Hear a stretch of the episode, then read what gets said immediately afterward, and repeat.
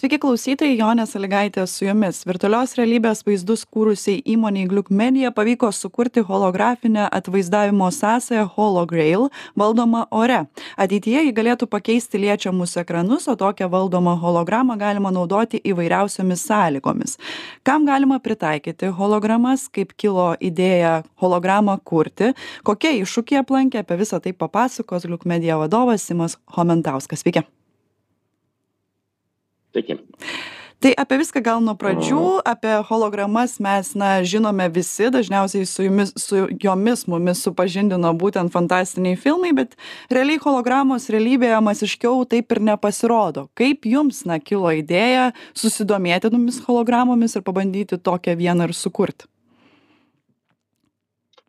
Tiesą sakant, tai lygiai taip, kaip ir daugumai kitų mūsų produktų. Tai šitą idėją mums atnešė klientai jau kokius penkis metus jie turbūt pas mus vis ateina ir vis prašo, sukurkit mums prašau hologramą, bet tikrą, tą, kur ore kabo ir neuždaryta į piramidę, ne, ne ant kažko projektuojama. ir mes jiems sakydavom, žinot, neįmanoma. Fizika neleidžia. Neįmanoma, neegzistuoja. Bet kažkur vis tiek nuolat ieškojom būdų, kaip padaryti tai įmanoma, kaip tai sukurt. Ir galiausiai turbūt, kai pakankamai laiko ieškai, tai randi. Koks tai procesas? Tai, tai pati idėja iš ten ir atėjo. Turbūt, na, sudėtinga net suvokti taip mąstančiam žmogui, kuris niekada gyvenime nedirbo su tokiais, na, procesais. Kas tai per procesas, na, kaip sukurti tą hologramą? Na, iš tikrųjų, mūsų veiklos modelis pats toks ir yra, kad mes nuolat stebim visas naujas atsirandančias technologijas, kurios leidžia panaudojimą sektoriuose, kuriuose mes dirbam - edukacijoje, kultūros sektoriui, verslo sektoriui ir, ir stengiamės visas tas atsirandančias technologijas nors kažkiek išbandyti, gauti prototipus, prie jų prisilies, suprast, kaip jie veikia. Ir tik tai galiausiai juos pritaikyti kažkokiam konkrečiam kliento sprendimui. Tai tiesiog viena iš tų technologijų, kuri, kuri pasitaikė, tai ir buvo ta ta speciali technologija, kuri leidžia tą vaizdą projektuoti ore ir mūsų darbo dalis tai liko tik tai pridėti specialų sensorių, kuris leidžia ją ore dar ir liest su ją pilna interakcija. Tai va taip ir pasitaikė ta galimybė. Tas lietimo momentas, tai sudėtinga buvo išvystyti, čia buvo iššūkių daug ar, ar pakankamai lengvai susitvarkėt? Iššūkių buvo pakankamai daug ir iš tikrųjų iš pat pradžių atrodė, kad bus lengviau na lyg visa logika diktavo, kad čia nebus sudėtingas sprendimas, tačiau tai vis tik yra netgi trijų skirtingų gamintojų technologijos ir jas priversti vienoje sistemoje veikti, sukalibruoti į, į kažkokią tikslę sistemą, kur ten norė, kur lieti, ten ir būtų paliesta, tai tikrai buvo sudėtingiau, negu mes planavom iš pradžių. Kiek laiko užtrukot, kol jau galiausiai na, tas produktas būtų pasiekiamas jau ir jūsų klientams? Bendrai užtruko, sakyčiau, link pusantrų metų kūrimas viso. Ir dar nelaikau, kad mes baigiam. Dar tikrai yra pora vietų, kur galima, na, dar ją šiek tiek pastum toliau ir tas technologijas mes šiuo metu vystom jūs užsiminėt kad na ir edu prie edukacijos dirbat ir prie kultūros ir prie verslo ir įdomu na kalbant apie pačias hologramas na kur jos gali būt pritaikytos nes turbūt kartais susidaro įspūdis kad tiesiog holograma tai kažkoks na taip sakykim kietas dalykas kurį labai smagu pamatyti e pasidžiaugti tuo ta holograma ir tiek. Bet iš tiesų tai turbūt na tai labai daug ką keičiantis dalykas ir jį daug kur galima pritaikyti tiesa ir mes dažnai su tuo susiduriam savo veikloj kad mūsų kuriami produktai dažnai lyginami su a va taip kaip įvardinu pavadinkim tokį mes vadinam fejerverkais kai tiesiog yra faina smagu ir gražu bet iš tikrųjų kai mes ieškom sektorių ir panaudojimo būdų kurie iš tikrųjų sprendžia problemas. A tai visų pirma buvo susidurta su ir šita idėja iš tikrųjų kilo sukurt šitą hologramą būtent liečiamą e kovido metu, e, tiksliau šiek tiek po jo, e, kai problema pasidarė visi liečiami ekranai esantis e, prekybos vietose, sakykime, terminalai, visi muziejų atvaizdavimo įrenginiai. Hologramos nereikia valyti, jinai nelūšta, jinai veikia bet kokiam sąlygom ir, ir tą visą virusinį aspektą išsprendžia iš karto savaime savo esybę. Kita panaudojimo sritis, kur mes dabar radom, tai holograma leidžia ne plokščią dvimatį vaizdą matyt, o pilną trimatį objektą atvaizduoti. Ir tai yra jos gan nemaža, nemažas išskirtinumas lyginant su, su paprastais ekranais. Uh, tai šiuo metu šnekamės uh, net su keletu muziejų, kurie savo saugyklose turi skenuotus ypatingos vertės eksponatus, tačiau jų negali rodyti lankytojams, nes jie yra arba per trapus, arba per brangus, arba turi saugomi būti labai specialiom sąlygom bet įprastai visi muziejai tokių eksponatų trimatės kopijas pasidarę turi. Tai yra lazerinių skenavimo modelius pasidarytus. Tai holograma leistų kaip technologija šiuos eksponatus žiūrovam apžiūrinėti pilnai ir net sakyčiau su uh, gal daugiau smalsumo.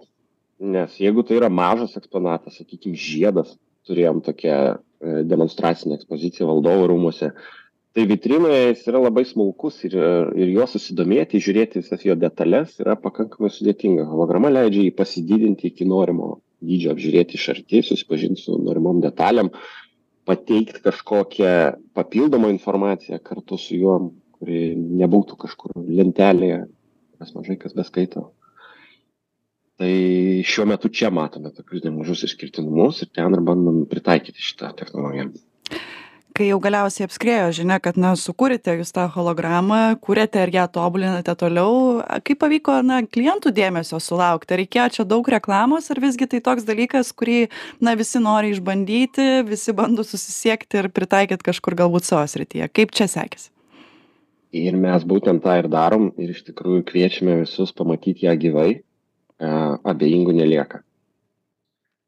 Mes savo erdvėse turim paruošę demonstracinius vienetus ir susidomėjusiem klientam. Na, pats pirmas būdas, kuriuo stengiamės iškomunikuoti apie ją, tai tikrai atvykti ir apžiūrėti gyvai, ar, ar specialiai dėl to, ar, ar priderinus prie kito susitikimo kažkokio. Kita problema su ją komunikacinė yra, kad šitas vaizdinys užfiksuojamas kamera nelabai pasiduoda. Taip jau veikia žmogaus akis, kad jos ją mato tik tai gyvai ir ją E, na, perteikti kažkokią vizualizaciją yra pakankamai sudėtinga. Tad e, tokiu rinkodariniu požiūriu mes susidurėm su nemažai skeptiškumo, kad e, na, tie, kas nors kiek technologiją pažįsta, holografinė apskritai, kurie egzistavo iki šiol, toliau sako, kad negali būti neįmanoma. Čia.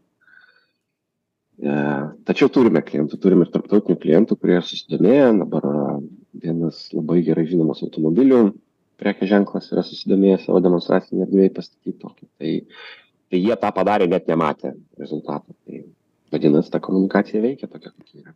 Tai veikiausiai netgi ir tuos, na, tarptautinius vandenius galbūt e, su tokiais labai inovatyviais sprendimais ir yra lengviau plaukti, negu savam krašte pranašu būti.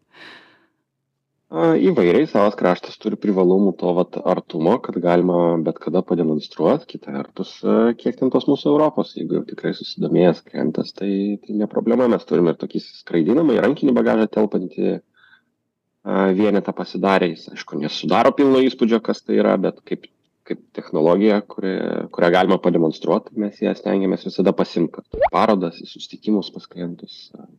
Šią savaitę beje išvykstam kartu, tai irgi vešimės. Taip pat jūs dar užsiminėte apie tai, kad, na, tai tikrai dar nėra baigtinis projektas, kad jį reikės tobulinti ir panašiai. Kokie dabar jūsų ateities planai? Kaip jūs čia dabar dar kažką bandot patobulinti toje hologramoje?